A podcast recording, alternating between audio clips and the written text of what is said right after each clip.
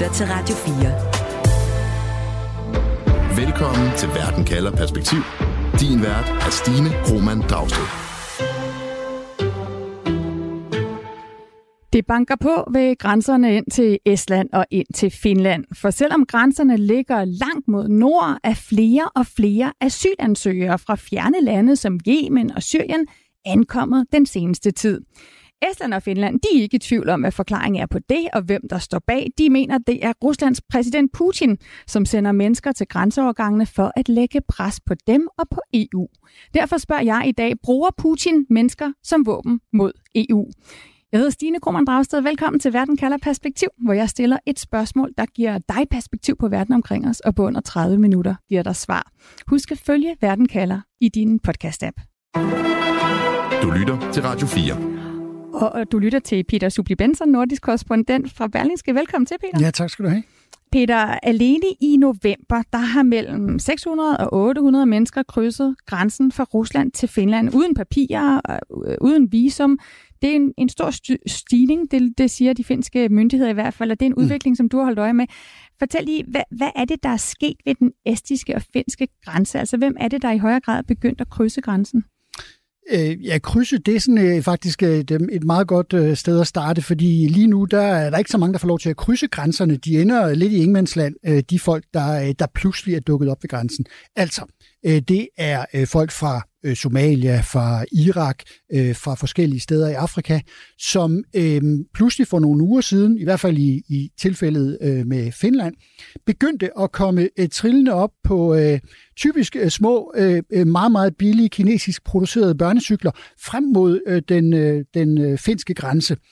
Og øh, finderne reagerede med sådan øh, lidt vantro, fordi at øh, normalt er det ret kontrolleret, hvem der får lov til at komme så langt. Altså russerne øh, har styr på, hvem der får lov til at komme i grænseområderne, og i rigtig lang tid har der ikke været nogen, der vil søge asyl, der fik lov at komme fra Rusland.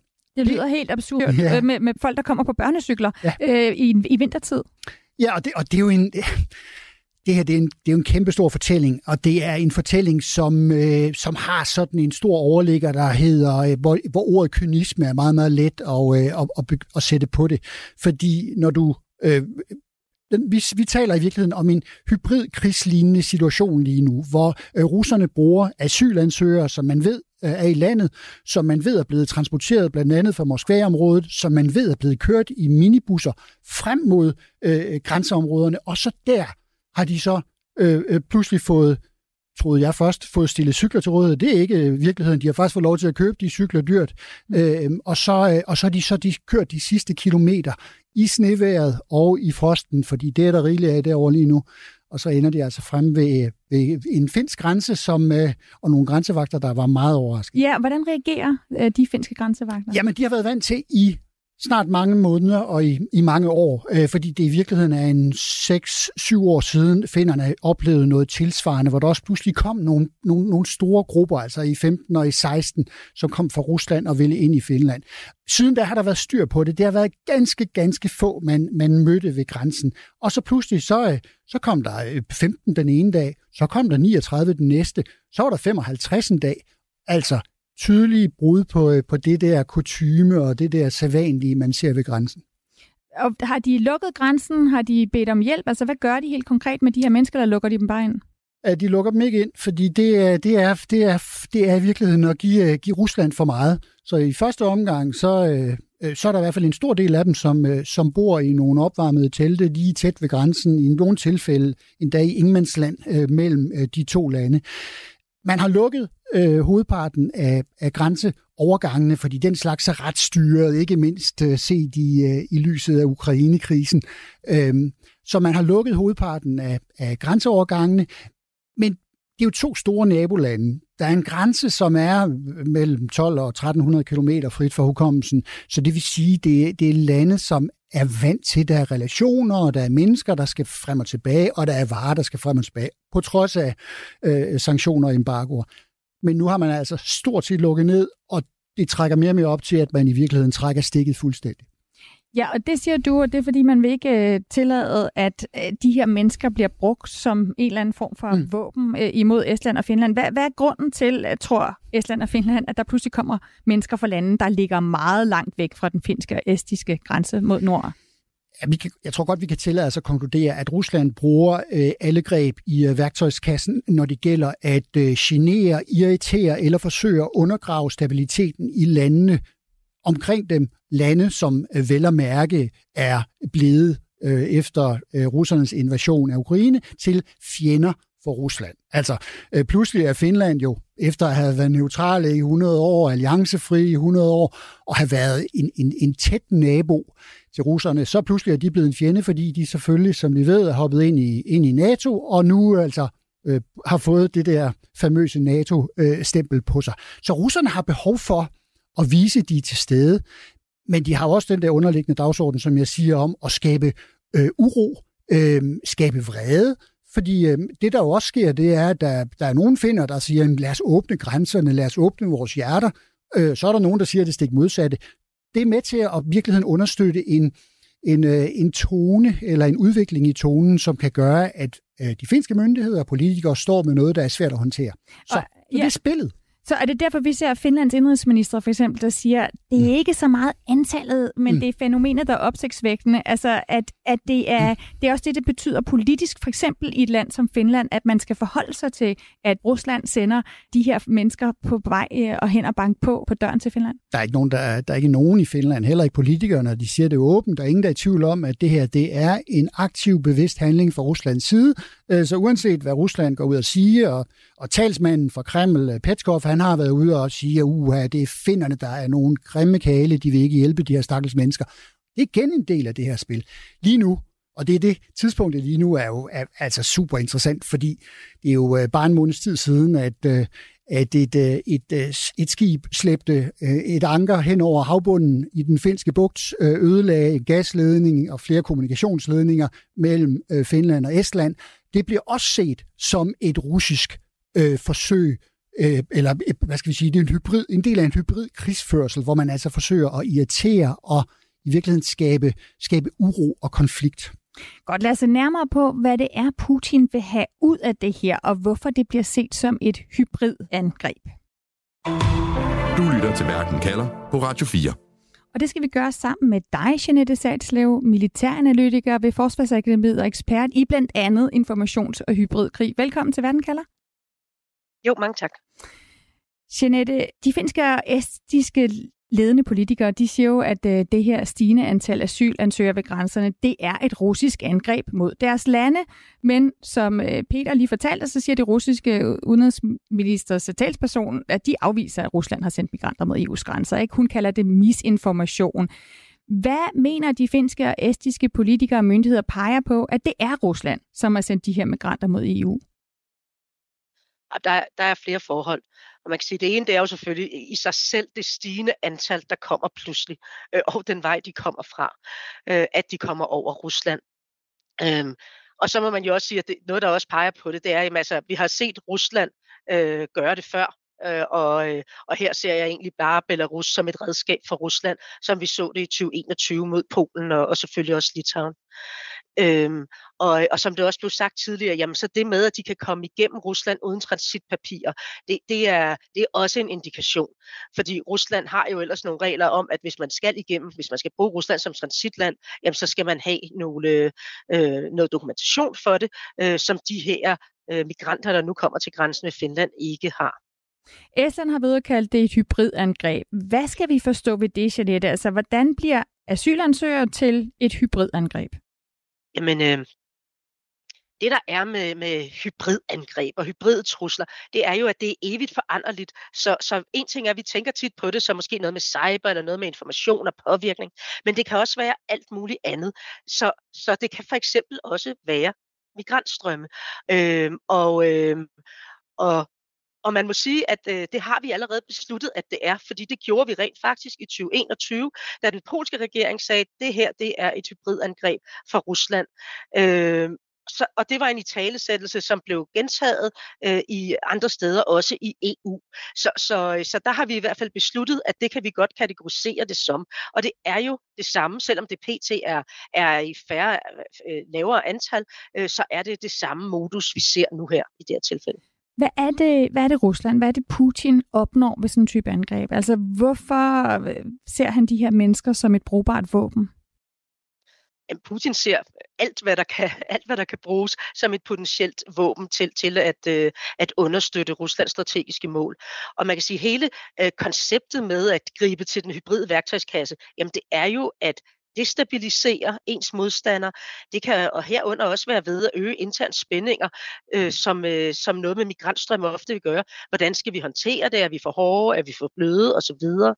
Og så kan, og det, der er interessant her, er, at det kan jo også være med til at presse alliancer. Hvad skal vi gøre, når nu at det går ud over øh, Finland, og når det går ud over Estland? Er det så en sag for Finland og Estland, eller er det noget, som, som også kræver på, på et, øh, et kollektivt, om ikke forsvar, men, men kollektiv øh, aktion, som, som EU jo nu har sagt ved at øge Frontex. Øh, men, men det er noget af, af det, som man kan finde ud af, eller få ud af at anvende de her redskaber. Ja, så er det et effektivt våben.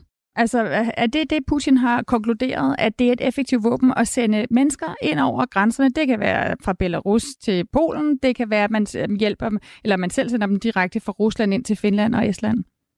Ja, et våben blandt andre. Og det, og det er det, der er vigtigt at huske, når vi taler hybridangreb. Så er det, så er det undskyld mig, så er det aldrig en aktivitet alene, men så er det øh, den samlede sum af forskellige aktiviteter, som man øh, udfører med henblik på at destabilisere. Og der er det her jo et et relativt billigt, ganske billigt våben, som man så kan, og med relativt få mennesker, kan man, fordi der er jo øh, nok desperate mennesker, som gerne vil prøve at, at komme ind over grænsen til EU, så kan man være med til at, at skabe nogle spændinger. Man er med til at, øh, at aktivere en hel masse ting i de lande, det går ud over, fordi man er nødt til også at forholde sig til, at det måske kan blive meget større øh, i løbet af kort tid, og det sætter også nogle processer i gang i, øh, i, i, øh, i EU om, hvordan skal vi håndtere det her. Putin er vel ikke den eneste, der bruger mennesker som et hybridvåben. Altså det har vi vel også set øh, andre gøre over for, for EU. Jeg tænker på Tyrkiets øh, Erdogan, jeg tænker på, på andre stærke mænd, der sidder rundt omkring og godt ved, at det er et svagt punkt, når det gælder EU. Ja, det, det, kan man, det kan man sagtens sige. Vi har jo set mekanismerne før, og det er rigtigt, det har vi selvfølgelig også i forbindelse med Tyrkiet. Øh, hvis man øh, skal skissere det meget groft, så kan man sige, at det var ret klart, hvad det var, Erdogan ville have ud af det. Det var egentlig også, altså, øh, hvor, hvor, hvor, øh, hvor der, var nogle, en, der var det også et, øh, et klart øh, forhandlingsrum, han ønskede at skabe der, hvor, øh, hvor i modsætning til, når, når, øh, når Putin og Rusland gør det med eller uden af Belarus' hjælp, jamen så vil det ofte være noget, hvor man kan, øh, hvor det ikke nødvendigvis er klart attribuerbart. Altså, jeg tør godt sige, at vi ved alle sammen, at det er Rusland, der faciliterer det her, men vi kan bruge tid på at diskutere, øh, om det nu er Rusland, eller om det er noget andet, og så videre. Så der er hele tiden også den her gråzone, som Rusland spiller på øh, i det her, mm. når de anvender den her form for, for aktiviteter. Så, Jeanette Satslev, hvis du skal lave en konklusion på det spørgsmål, jeg stiller i dag, bruger Putin mennesker som våben mod EU? Og måske jeg skulle spørge dig, for du har allerede svaret ja. Hvorfor? Jamen, det er fordi, det er et, øh, et, et, et, et billigt og samtidig også effektivt våben i, øh, i, i kampen mod Vesten, fordi vi er historisk øh, set øh, er vi dårlige til at håndtere det, når det kommer med, til, øh, til migrantstrømmen, der, der presser EU's ydre grænser, fordi der selvfølgelig er meget forskellige holdninger, perceptioner, situationer i de forskellige lande. Så det er et, et ret nemt, et ret simpelt redskab at bruge til at presse EU's intern sammenhængskraft. Tak, Jeanette Salsler. Velkommen. Altså militæranalytiker ved Forsvarsakademiet og ekspert blandt andet i informations- og hybridkrig. Putin bruger altså asylansøgere som et slags våben i en hybridkrig mod Finland, mod Estland, mod EU.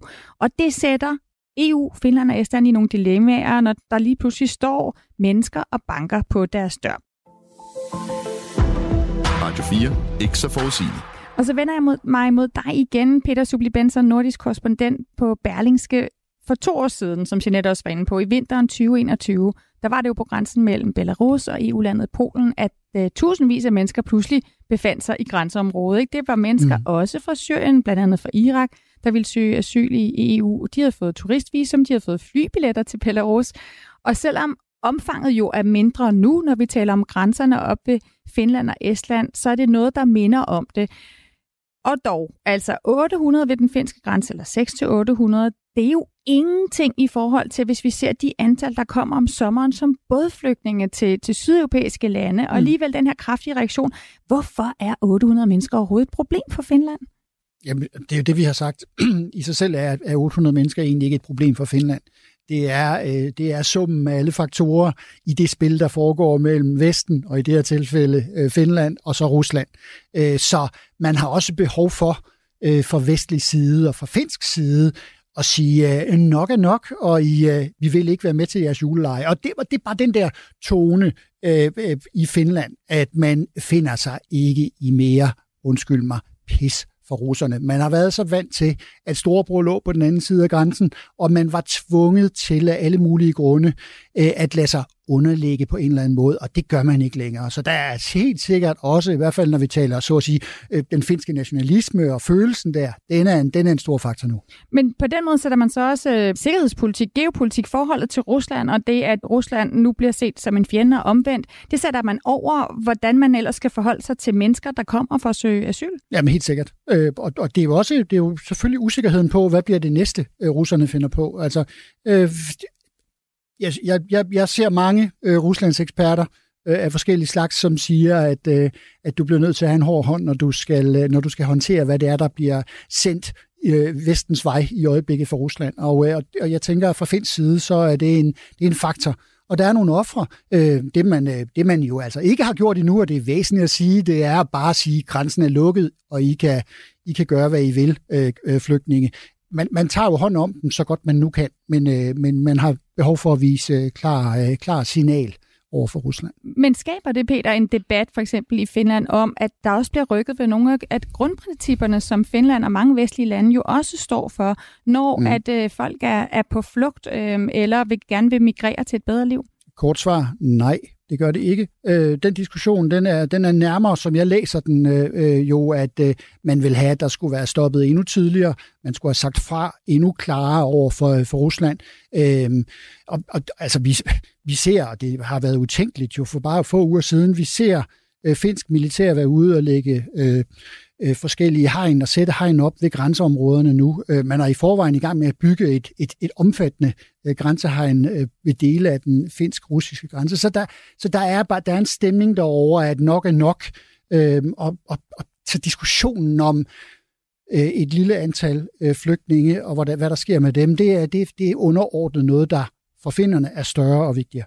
Hvad har man ellers af redskaber? Altså man bygger grænsehegn, man prøver at finde nogle telte, så de her flygtninge ikke fryser, imens de, de sidder i det her ingenmandsland. Har man andre redskaber til at stå imod, når Putin selv bruger mennesker som våben på den her måde? Vi kan, jeg tror, vi kan diskutere, vi kan tænke alle mulige redskaber, så vi kan, vi kan reelt forestille os, at finderne lukker grænsen og siger, øh, hvis I fryser ihjel på den anden side af, af, af grænsen, så er det Ruslands og ikke vores problem. Der er der ikke noget, der tyder på, at finderne er på vej hen. Man tager hånd om det, øh, og man tager hånd om øh, de mennesker, men, men man har behov for at forsøge at få stroppet øh, den der strøm. Altså næste skridt, det bliver spekulation. Øh, det, det, det ved vi ikke på nuværende tidspunkt. Det er jo noget, når øh, vi hører, at der er kommet mellem 40 og 50 øh, øh, øh, øh, hvad skal vi sige, grænsevagt eller politifolk øh, fra, fra det europæiske Frontex-samarbejde til Finland. Øh, så er det også en eskalering, og så bare at sige, det er et samlet EU, der står over for Rusland. Øh, så det er signalet, der er det vigtigste, og så er der, så er der og det er kedeligt, men så er der nogen, der bliver offer i det. Mm. Og, og var det en, en fuldstændig altså, klar reaktion også fra EU, at her står vi sammen, og når Finland beder om, at der kommer Frontex-folk, altså mm. politifælles... Det gik hurtigt. Ja. Simpelthen så lynhurtigt, så, øh, og det synes jeg ikke normalt, det nødvendigvis gør i, øh, i EU-sammenhængen, men her der, der reagerede man rigtig, rigtig hurtigt. Er det også fordi, der er en stigende frygt i de EU-lande, der deler grænse med Rusland, for at netop for eksempel asylansøgere bliver brugt i det, som, som bliver opfattet som et hybrid. Ja, men, men, men det, det er klart, lande, der har den direkte kontaktflade på daglig basis øh, til russerne, om det så er Polen i forhold til Belarus, eller om det er baltiske lande, som står direkte over for, for russerne og møder noget af det samme her, så, så, så, er, der, så, er, der, så er der, hvad skal vi sige, en en, en tone, som er blevet skærpet, men jo også en håndtering, som er blevet klart hårdere, end vi havde været vant til at se inden, uh, inden krigen og inden, uh, inden Belarus-situationen der i 21. Så, så, mm. så der, der er bare noget, der bliver mere firkantet og sort og hvidt, og det er, det er med mennesker som offer, men ikke desto mindre. Så er det sådan der. Ja, for de her mennesker, de sidder der jo. De forsvinder jo ikke af, at øh, grænser, og nogle grænseovergangene bliver lukket, eller at Finland og Estland ligesom vil stå hårdt fast over for, for Rusland. Hvad skaber det af dilemmaer for lande som Finland og Estland? Det er jo i sidste ende der på grænsen til de lande, at de her mennesker sidder. Vi er vel vant til det efterhånden. Mm. Øh, er vi, altså, nu, nu stiller jeg næsten et modspørgsmål, men vi er vel vendet os til, og vi er blevet mere hårdhudet. Det er vi jo også i Danmark øh, i forhold til at få lukket grænserne af. Vi er vel og mærke kendt i Europa for at være nogen, nogen der ikke åbner, åbner op, hvis vi overhovedet kan. Vi har set svenskere, som indtil 15 og 16 jo øh, havde det åbne hjertes øh, politik, og landet var stort, der var plads til mange flere, og pludselig, simpelthen i løbet af en nat, så lukkede de også ned stort set. Så, så der er jo en skærpelse af tonen, som vi har vendet os til. Øh, der, der, der er en erkendelse af, at øh, Europa kan ikke være tilflugt for... Jo, altså, flygtninge er en ting, men, men den absolute hovedpart af de folk, der kommer til, det er jo migranter. Altså, det er nogen, der søger et bedre liv. Det er fair nok, men, men, men det, øh, det er der i hvert fald europæiske politikere, der ikke er villige til at give dem. Og det er vel også, altså, hvor, hvor meget op, opmærksomhed det skaber, hvor langt befolkningen i Finland og Estland er med til at sige, det er okay, at vi lukker af her, og at de her mennesker sidder her og fryser. Det afgør vel også, hvor effektivt det overhovedet er for et våben for Putin at bruge, altså at bruge migranter til at skabe pres. Jeg synes, og det er jo min tolkning, rigtig eller forkert, men når, jeg, når vi ser øh, øh talsmænd og kvinder fra, fra Rusland øh, udtale sig øh, sådan meget hårdt over for, for Finland, så ser jeg det i virkeligheden som om, at de, de, sådan, øh, de var lidt overrasket over, at finnerne reagerede så hurtigt, så kontant, og i øvrigt fik hjælp af, af i EU-regi også. Så, så, så, så mås, måske, men mm. bare måske, så har russerne også øh, set noget nyt. Det er blevet tid til en konklusion på dagens spørgsmål. Du lytter til Radio 4 og du lytter til Verden kalder, hvor jeg i dag spørger, bruger Putin mennesker som våben mod EU? Peter Subli Benson, dit uh, svar er rimelig klart, at det gør han. Ja, det er der ikke tvivl om, øh, og det kommer vi til at se mere af, men øh, med, eller i hvert fald forsøgende, og ellers så finder han på noget andet. Hvorfor? Jamen det er fordi, han, han, det er så fortasket at bruge ordet mm. værktøjskasse. Han, har, han, har, han er presset militært øh, på grund af Ukraine. Øh, øh, op mod grænsen til Finland. Der er ikke nogen, der er bange på den finske side for, at der kommer russiske kampvogne, for de er så godt som alle sammen fjernet. Der er næsten ingen soldater tilbage heller. Så han må finde på noget andet, der kan jo, om ikke gøre ondt, men i hvert fald irritere øh, naboerne. Det, det er det, han prøver at gøre. Og så kan han jo også øh, fortælle historien derhjemme om de onde folk i Vesten. Det er jo helt sikkert også en del af det her. Mm. Du har været med her i Verden kalder før, netop øh, blandt andet fortælle om det forhold, finderne jo har, og, og, og specielt de, de mm. finske præsidenter til Rusland, det kendskab, de har til Putin. Er der overhovedet ikke nogen af de linjer åbne der, tror du, hvor man kan sige, Putin, vi ved jo godt, hvad du har gang i? Eller øh, står vi i en anden situation nu, hvor hårdt er blevet sat mod hårdt, fordi nu er man pludselig blevet fjender? Det er hårdt mod hårdt, og det er fjender. Og tidligere, den nuværende præsident Ninistø, som øh, skal skiftes ud til marts næste år, han, han, han er jo europamester i at have haft kontakt til Putin, har mødt ham, har talt med ham, har besøgt ham og fået besøg igen. Øh, og han har selv sagt, at øh, der er ingen grund til at tale med Putin mere, fordi øh, han er uden for øh, ikke engang pædagogisk rækkevidde, men enhver rækkevidde, så, så der er ingen grund til at bruge tid på ham. Tusind tak for den konklusion. Tak. Altså Peter Subli Benson, nordisk korrespondent ved Berlingske. Programmet her var tilrettelagt af Nana Tilly Guldborg og af mig, Stine Krohmann Dragsted. Camilla Høj Eggers er vores redaktør. Og du kan gå ind og finde øh, blandt andet andre Verden kalder programmer, der handler lige præcis om, hvordan det er at være nabo til Putin. Find Verden kalder som øh, podcast, og så kan du gå ind og finde den her specialudsendelse, som vi fortsætter også her i julemånederne. Og når du har fundet Verden kalder podcasten, så tryk følg, så kan du få leveret de seneste episoder lige til dig.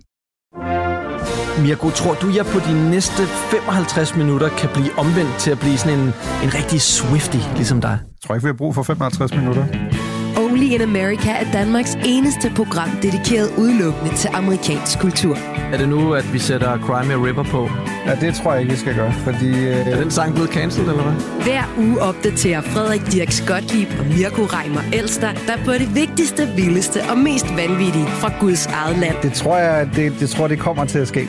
altså, jeg tror, at Justin Timberlake er blevet toxic. Lyt til Only in America i Radio 4's app, eller der, hvor du lytter til podcast. Radio 4. Ikke så forudsigelig.